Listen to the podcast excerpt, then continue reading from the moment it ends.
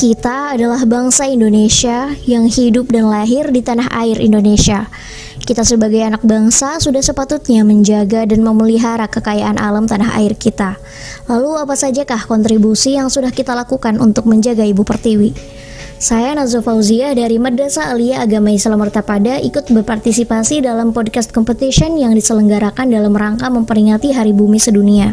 Dan di sini saya memilih subtopik yang bertemakan climate change atau perubahan iklim. Kalau kata orang tua sih, anak zaman sekarang itu pada bucin banget, hobinya cinta-cintaan mulu banyak anak muda yang kayaknya tuh nggak pernah lupa gitu sama hari Valentine dan selalu ngerayain bareng pacar atau bareng pasangan untuk menunjukkan rasa cinta gitu kan. Tapi bagaimana dengan rasa cinta kita pada bumi? Dan bagaimana bentuk partisipasi kita dalam merayakan hari bumi ini? Atau jangan-jangan kita nggak tahu lagi kapan hari bumi itu diperingati? tanggal 22 April setiap tahunnya diperingati sebagai Hari Bumi Sedunia, di mana di Hari Bumi ini masyarakat dunia selalu diingatkan untuk menjaga bumi dari kerusakan alam. Karena bumi adalah habitat kita semua dan bumi adalah sumber kehidupan bagi semua yang hidup di dalamnya. Dari bumi kita mendapatkan semua sumber daya alam yang kita butuhkan. Kita memperoleh air yang bersih, udara yang segar, tanah yang subur dan pemandangan yang begitu indah mempesona dengan keanekaragaman hayati yang menghiasinya atas jasanya menyediakan semua kebutuhan manusia, tapi apa yang kita lakukan pada bumi sebagai balasannya? Udara dan air kita cemari, pohon-pohon di hutan kita tebangi, laut kita eksploitasi, dan sampah-sampah kita buang sembarangan tanpa rasa peduli. Kondisi bumi sekarang makin terpuruk gak lagi harmonis dan ekosistem pun udah gak seimbang kayak dulu. Kita bisa lihat ada banyak bentuk keprihatinan terhadap kondisi bumi saat ini. Dan kita semua juga pastinya bisa merasakan sendiri kondisi bumi yang sekarang udah banyak berubah. Misalnya udara yang makin panas, perubahan cuaca gak menentu, musim hujan sama musim kemarau lamanya nggak sama, ditambah lagi bencana alam yang terjadi di mana-mana. Semuanya bikin hidup kita jadi nggak nyaman. Pernah mikir gak sih, mungkin itulah bagaimana alam berbicara. Kita mungkin sering ngeluh sama kondisi bumi sekarang dan berpikir bahwa mungkin bumi sedang menunjukkan ketidakramahannya kepada manusia. Padahal sebenarnya kitalah manusia yang tidak menunjukkan keramahan terhadap bumi sampai-sampai kondisi alam serusak ini. Dan itu seharusnya menjadi suatu peringatan bagi kita untuk lebih meningkatkan kesadaran betapa pentingnya menjaga dan memelihara alam yang kita tinggal ini ada banyak banget isu-isu lingkungan yang perlu kita pedulikan dan salah satunya adalah isu perubahan iklim yang saat ini udah jadi masalah global. Indonesia sebagai negara tropis dan kepulauan terbesar di dunia adalah salah satu negara yang paling rentan terhadap dampak negatif perubahan iklim. Dan Indonesia juga lah salah satu penyumbang emisi gas rumah kaca terbesar di dunia dengan 1,98 miliar ton emisi karbon dioksida per tahunnya. Diperparah lagi dengan deforestasi tanpa henti, kebakaran hutan di mana-mana, dan penggunaan energi batu bara yang berlebihan. 63% emisi karbon dioksida Indonesia adalah hasil dari kebakaran hutan dan gambut, dan 19% berasal dari pembakaran bahan bakar fosil. Ini adalah alarm bagi kita semua untuk bangkit dan saatnya untuk pukul mundur krisis iklim. Emangnya apa sih perubahan iklim itu sampai jadi masalah global? Well, secara umum, perubahan iklim itu bisa disebut juga sebagai fenomena pemanasan global, di mana terjadi peningkatan gas rumah kaca pada lapisan atmosfer. Penyebab perubahan iklim ini bisa dari berbagai faktor yang berbeda, entah itu faktor alami atau faktor manusia. Uh, setidaknya ada enam faktor yang sejauh ini diperhitungkan sebagai penyebab utama perubahan iklim yaitu efek gas rumah kaca, pemanasan global, kerusakan lapisan ozon, kemudian kerusakan fungsi hutan dan peningkatan emisi. Dan faktor-faktor yang aku sebutin tadi itu kebanyakan dipengaruhi oleh aktivitas manusia sesuai dengan data dari IPCC 5 Assessment Report yang menunjukkan bahwa faktor yang memberi kontribusi terbesar terhadap perubahan iklim berasal dari aktivitas manusia. Sebenarnya ada juga sih faktor alami yang menyebabkan perubahan iklim ini, misalnya perubahan radiasi matahari, proses pelapukan, kemudian juga letusan gunung berapi. Tapi faktor alami ini tuh cenderung nggak membawa pengaruh jangka panjang. Jadi pengaruh besar itu lebih banyak berasal dari aktivitas manusia, terutama karena efek gas rumah kaca. Ya, kalau bicara tentang perubahan iklim pasti nggak terlepas dari efek gas rumah kaca atau greenhouse effect ini. Sebenarnya gas rumah kaca ini apa sih? Kok kayaknya diidentikan banget gitu sama penyebab perubahan iklim? Well, pada dasarnya gas rumah kaca itu sebenarnya dibutuhkan untuk menjaga suhu bumi tetap stabil. Tapi sayangnya, kegiatan manusia yang nggak ramah lingkungan justru menghasilkan gas rumah kaca yang berlebihan. Kalau konsentrasi gas rumah kaca semakin meningkat, akibatnya ya semakin banyak panas terperangkap di atmosfer dan bikin suhu bumi jadi lebih hangat. Inilah yang menyebabkan terjadinya pemanasan global. Nah, penyebab utama terjadinya pemanasan global ini adalah asap pabrik, kemudian polusi kendaraan, penggundulan hutan, eh, pembakaran sampah yang berlebihan, dan juga penggunaan bahan bakar fosil. Sebenarnya masih banyak lagi sih pemicunya, tapi yang jadi masalah besar itu produksi gas karbon dioksida dan metana yang sulit dikontrol bisa sih dikurangi tapi yang bisa menggantikannya menjadi oksigen kan pohon ya. Sementara banyak hutan yang dibakar dan ditebang secara liar hasil ya pemanasan global pun makin parah. Bahkan tahun 2020 kemarin menjadi tahun terpanas kedua setelah tahun 2016 dalam 140 tahun terakhir. Menurut WWF aktivitas manusia yang berupa pembakaran bahan bakar fosil deforestasi dan kegiatan industri itu menjadi penyebab efek rumah kaca ini. Mungkin kita masih asing ya sama kata bahan bakar fosil atau deforestasi investasi, padahal ini dekat banget sama aktivitas kita sehari-hari. Misalnya saat kita menggunakan kendaraan bermotor. Nah, bensin yang kita pakai itu termasuk bahan bakar fosil yang mengandung banyak polusi kimia, termasuk karbon dioksida. Atau saat kita lagi buang sampah di tempat pembuangan sampah itu kan udah numpuk banget ya dan itu adalah lokasi pembusukan sampah yang mengandung banyak gas metana.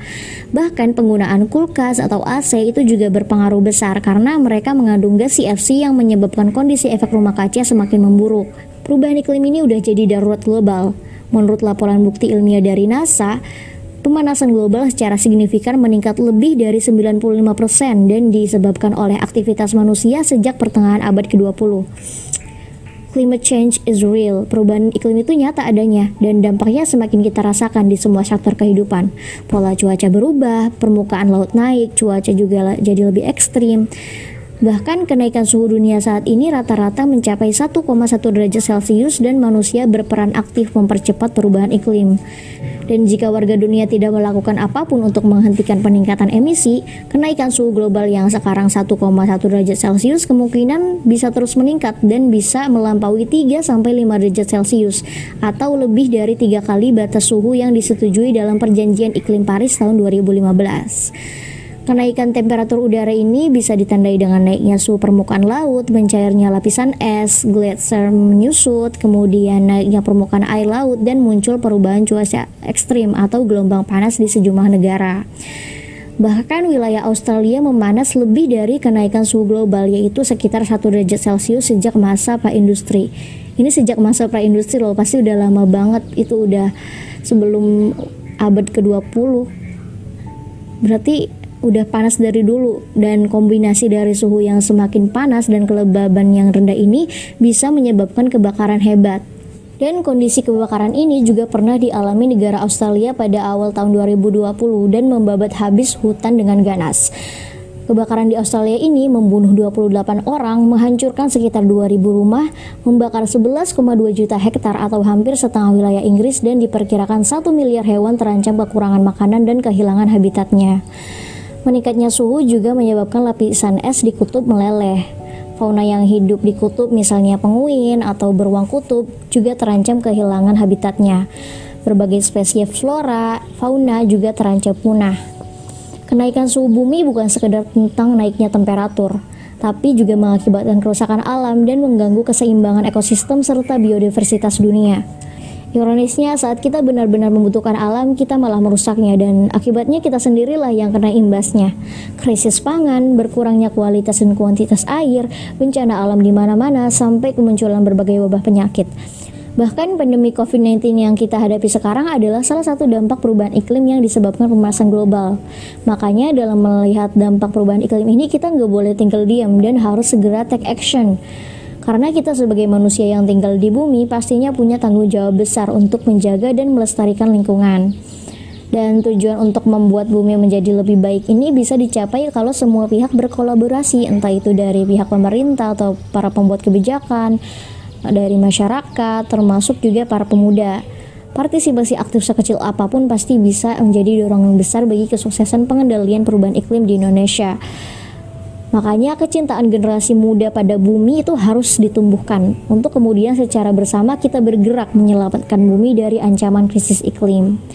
Kita sebagai pemuda bisa ikut berperan dalam mengampanyakan pentingnya kepedulian terhadap lingkungan. Karena kalau bumi rusak nggak ada lagi planet lain yang lebih layak untuk bisa dihuni manusia.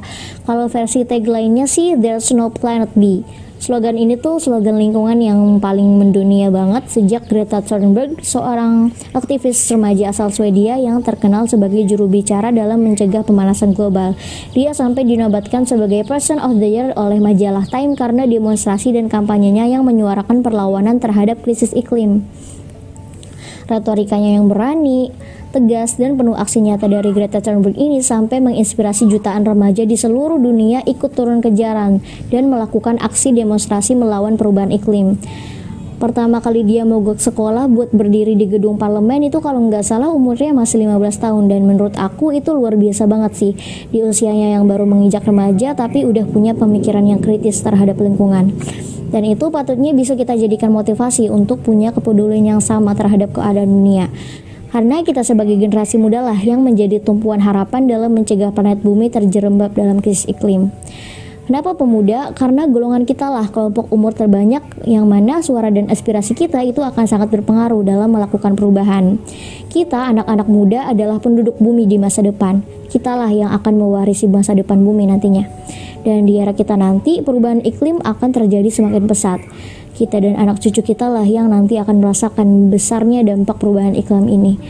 Oleh karena itu, kita perlu melibatkan diri sedini mungkin untuk ikut berkontribusi dalam upaya mitigasi dan adaptasi untuk mencapai ketahanan iklim.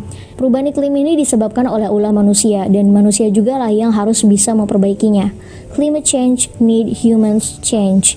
Apa yang bisa kita ubah adalah behavior, lifestyle, dan kemudian yang paling penting adalah mindset. Aksi nyata yang bisa kita lakukan adalah dengan memulai dari diri sendiri. Kita bisa mulai dengan hal sederhana untuk dilakukan, misalnya mengolah sampah dengan cara 3R yaitu reduce, reuse, dan recycle. Kalian yang pernah ikutan event Greenpeace atau campaign peduli lingkungan mungkin udah familiar ya sama resolusi 3R ini karena ini proses pengelolaan sampah yang bisa dibilang cukup sederhana dan bisa dilakukan siapa pun. Pertama, reduce yaitu mengurangi pemakaian barang-barang yang berpotensi menjadi limbah perusak lingkungan. Kita bisa menerapkannya dengan cara mengurangi penggunaan sampah plastik atau menghemat pemakaian kertas. Jadi penggunaan barang yang sulit terurai dan gak bisa didaur ulang itu sebaiknya dikurangi. Kemudian yang kedua yaitu reuse. Reuse sendiri itu berarti menggunakan kembali. Artinya di sini kita perlu memilih barang yang bisa dipakai ulang dan menghindari penggunaan barang yang cuma sekali pakai. Yang ketiga yaitu recycle atau mendaur ulang barang yang sudah tidak dipakai agar bisa dimanfaatkan kembali. Tindakan paling gampang untuk menerapkan 3R tadi adalah dengan mengurangi sampah plastik. Misalnya mengganti sedotan plastik dengan sedotan stylus, kemudian menggunakan botol berulang kali atau mendaur ulangnya menjadi barang yang punya nilai guna. Selain tiga resolusi tadi, ada juga beberapa langkah global yang selama ini dilakukan untuk mengatasi perubahan iklim. Yang pertama yaitu menggunakan sumber energi yang terbarukan dan ramah lingkungan. Sayangnya sampai sekarang negara kita ini masih menggunakan bahan bakar fosil, misalnya batu bara, gas alam, dan minyak bumi. Padahal untuk bisa membangkitkan listrik, kita bisa menggunakan panel surya yang mengandalkan sinar matahari, uh, mengandalkan kincir angin, atau bahkan tenaga air. Kalau penggunaan energi fosil bisa dikurangi sampai benar-benar bisa digantiin sama energi yang bisa diperbarui, maka kemungkinan besar ya pemanasan global ini pun bisa ditanggulangi sebenarnya. Kemudian yang kedua yaitu membatasi penggunaan bahan bakar fosil. Sebenarnya ini masih ada kaitannya sama penggunaan energi terbarukan yang sebelumnya aku sebutkan tadi. Jadi penggunaan bahan bakar fosil ini akan menyebabkan peningkatan emisi. Nah, untuk mencegah itu kita perlu menggantikannya dengan energi yang terbarukan. FYI, proses pembentukan bahan bakar fosil ini tuh membutuhkan waktu sampai jutaan tahun. Makanya intensitas penggunaannya nggak boleh berlebihan dan untuk mengurangi bahan bakar fosil kita perlu menggunakan energi terbarukan sebagai sumber tenaga alternatif. Kalau dari diri kita sendiri, kita bisa meminimalisir penggunaan bahan bakar fosil ini dengan cara mengurangi penggunaan kendaraan pribadi. Ya kalau jarak yang mau kita tempuh nggak terlalu jauh sih ya lebih baik kita pakai angkutan umum atau sepeda atau bahkan jalan kaki aja cukup. Selain itu kita juga harus menghemat listrik dengan cara misalnya nyalain lampu seperlunya atau menggunakan lampu yang hemat energi. Kemudian solusi yang juga penting kita lakukan adalah dengan melakukan reboisasi atau penanaman pohon. Kalau manusia punya paru-paru untuk bernapas, ibaratnya bumi ini punya pohon sebagai alat pernapasannya. Menanam pohon itu adalah solusi termurah dan paling efektif dalam mengatasi perubahan iklim saat ini. Karena keberadaan pohon bisa menyerap karbon dioksida di udara dan menghasilkan oksigen untuk kita hirup. Penanam pohon ini bukan sekedar bikin udara jadi lebih sejuk, tapi lebih dari itu. Kita nggak perlu langsung menanam secara masif atau dalam skala besar, kita bisa mulai menanam di pekarangan ya bisa berapa gitu. Bahkan kalau kita menanam satu pohon aja maka kita udah berkontribusi terhadap perang melawan pemanasan global dan perubahan iklim. Satu pohon bisa sangat berarti untuk mencegah pemanasan global dan satu pohon bisa sangat berarti untuk membuat bumi yang lebih hijau Supaya kita punya kesadaran yang lebih terhadap lingkungan, kita juga bisa berpartisipasi di berbagai campaign atau gerakan peduli lingkungan. Misalnya diet plastik, go green, save our ocean, gerakan seribu pohon, zero waste, eco brick, eco print, climate strike, dan banyak gerakan bertema lingkungan lainnya yang bisa kita ikutin. Nah, aku sendiri pernah ikut aksi climate strike yang diadain sama Greenpeace dan menurut aku selain nambah pengalaman, ikut gerakan peduli lingkungan kayak gini tuh bener-bener insightful banget. Di sana aku bisa lebih meningkatkan pemahaman dan kesadaran aku terhadap lingkungan. Aku juga jadi banyak termotivasi dari aktivis remaja yang menginspirasi banget, misalnya Greta Thunberg dari Swedia, Amika George dari London, atau Salsabila Korenisa dari Indonesia. Jadi menurut aku menjadi bagian dari komunitas atau gerakan sosial peduli lingkungan berarti kita adalah bagian dari agen perubahan untuk mendorong masyarakat agar sadar akan isu yang kita suarakan yaitu gaya hidup ramah lingkungan. Selain itu, aspirasi kita juga bisa mendorong pemerintah agar lebih peduli darurat iklim dan segera meningkatkan ambisi penurunan gas emisi rumah kaca semaksimal mungkin. Kita sebagai penerus bangsa harus lebih peduli dengan masa depan kita. Perubahan iklim ini efeknya bukan buat hari ini aja, tapi juga untuk masa depan bumi nantinya. Kita sebagai manusia membutuhkan alam sebagai sumber kehidupan. Hidup kita bergantung sama alam. Kalau alam bisa bertumbuh, maka kita juga mampu bertumbuh. Begitupun juga ketika kondisi alam terpuruk, maka kita manusia juga akan terpuruk atau bahkan lebih dari sekedar terpuruk. Semua itu tergantung gimana kita memperlakukan alam, apakah kita hidup dengan mempedulikan alam atau tidak. Kalau alam nggak dijaga, maka manusia juga nggak bisa bertahan. Begitupun sebaliknya, kalau kita memberikan kebaikan pada bumi, maka kita akan mendapatkan kenyamanannya. Makanya yuk kita bersama-sama selamatkan bumi dari perubahan iklim karena langkah kecil dari kita bisa menyelamatkan bumi tercinta. Kamu, aku, dan kita semua bisa memperbaiki bumi ini. Sekecil apa pun andil kita untuk menjaga bumi itu akan sangat berarti. Selamat Hari Bumi Sedunia, save the earth and then we will be safe.